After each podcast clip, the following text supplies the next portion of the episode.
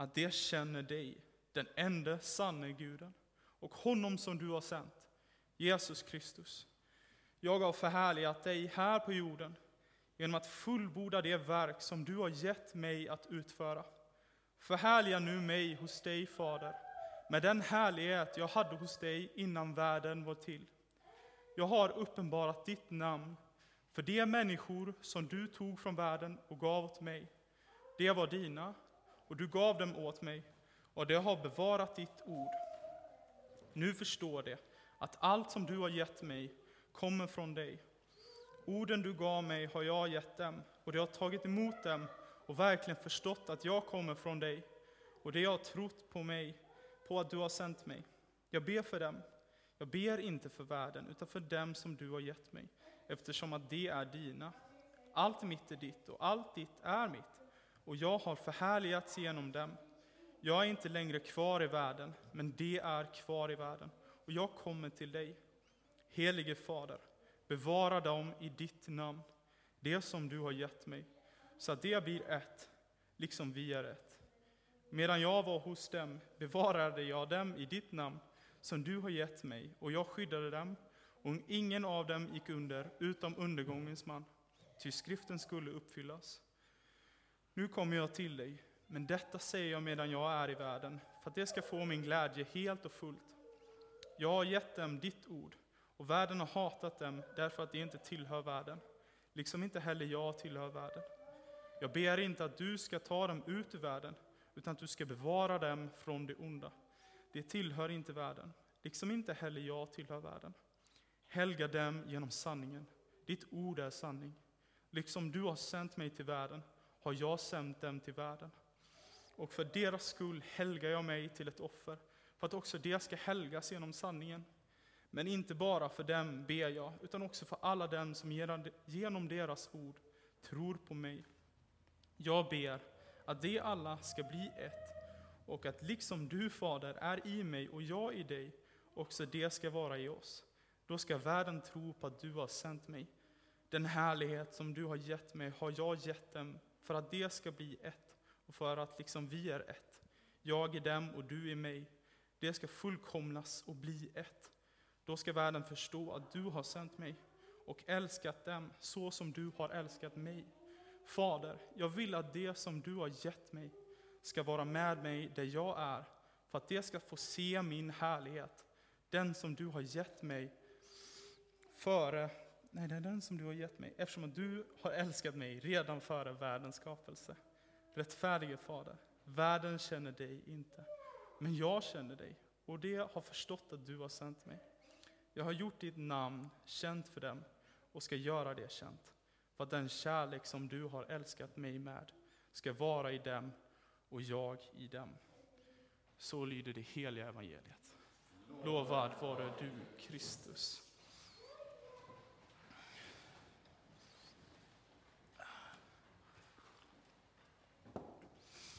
Ja, hej, jag heter Manuel eh, och väldigt roligt att få vara här idag. Men innan vi gör någonting annat och innan jag säger någonting annat så tänkte jag tänkt att inleda med en bön. Jag tror att det är det rätta sättet att börja. jag tackar dig för att du vill tala inom våra liv, för att du vill vara närvarande, för att du har eh, utgett dig själv så att vi skulle kunna få vara nära dig här. Tack för allting som du gjort för oss förut, här. Men tack också för det som ligger framför, här. Tack för att du talar genom mig, Herre, och inte bara genom mina ord, utan att dina ord finns i mina ord, Herre. Och låt allting annat som är från mig bara få falla bort, men det som är från dig, Herre, att det får landa i de som hör evangeliet, att det får slå rot och bli eh, ett gott träd som ger god frukt i, i de människorna som hör evangeliet, Herre. Jag tackar dig för att du är god, att du älskar oss, att du har gett, dig, gett oss din härlighet, Herre. Tack för allting som du gör för oss. Låt oss få tjäna dig med glädje och dra närmare dig, Herre. I ditt underbara namn, i Jesu namn. Amen. Så, uh, uh, den här texten kan verka svårförståelig vid en första läsning. Uh, men det är tur för oss, för det betyder att det finns mycket att hämta ur den. Och ett djup i den. Och Johannes särskilt, kanske, har funderat mycket kring, kring vad Jesus sa. Vad var poängen med det? Eh, så han har med väldigt mycket av Jesu ord och undervisning.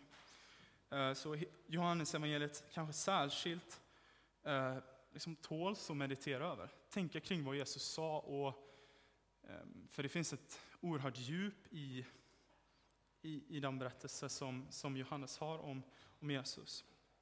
Och det är, det är liksom en evig källa till liv för den som tror. Eh, och ja, jag tror inte att jag kan utlägga allting som den här texten innehåller idag. Det hade tagit flera timmar. Liksom.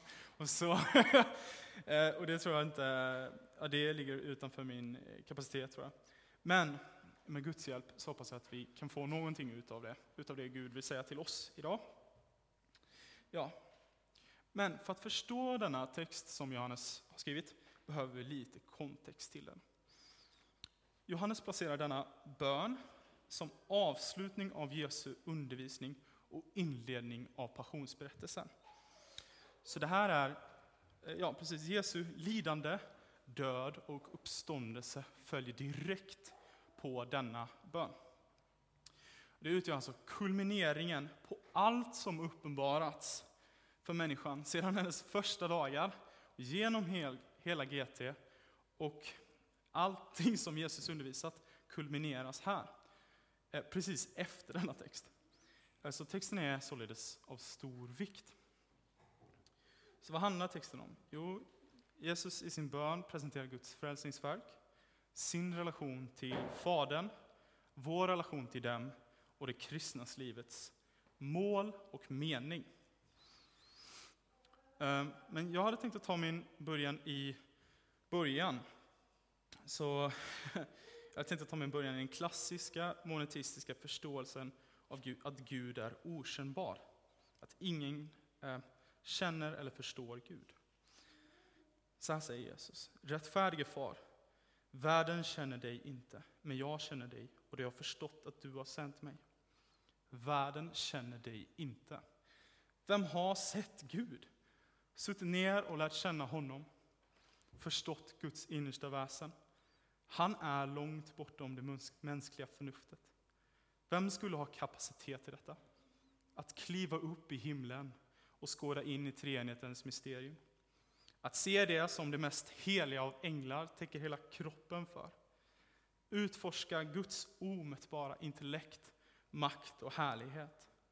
Han som skapade himlavalvet och gav liv åt allt levande. Den gammaltestamentliga texten löd, så säger han som är hög och upphöjd, han som tronar i evighet och vars namn är heligt. Gud är helig, annorlunda, avskild, bortom någon rimlig jämförelse. Upphöjd över allt och alla, långt högre än vad vi kan tänka och förstå. Så det sistnämnda är av vikt för att förstå dagens text. Hans namn är heligt. Så namn i den semitiska kontexten är identitetsbärande. Och en Guds namn pekade på Gudens innersta identitet. Detta syns tydligt i berättelsen om eh, den brinnande busken. Så I Andra Mosebok 3 berättas det om hur Moses möter Gud i den brinnande busken. Så Gud kallar på Moses för att rädda israeliterna ut från Egypten. Och efter en kort dialog frågar Moses, Gud, vilket namn har du? Och vilket namn ska jag ge till Israels folk när de frågar? Gud svarar och säger Eje Asher Eje. Och vanligtvis har vi i västerlandet översatt detta till Jag är den jag är.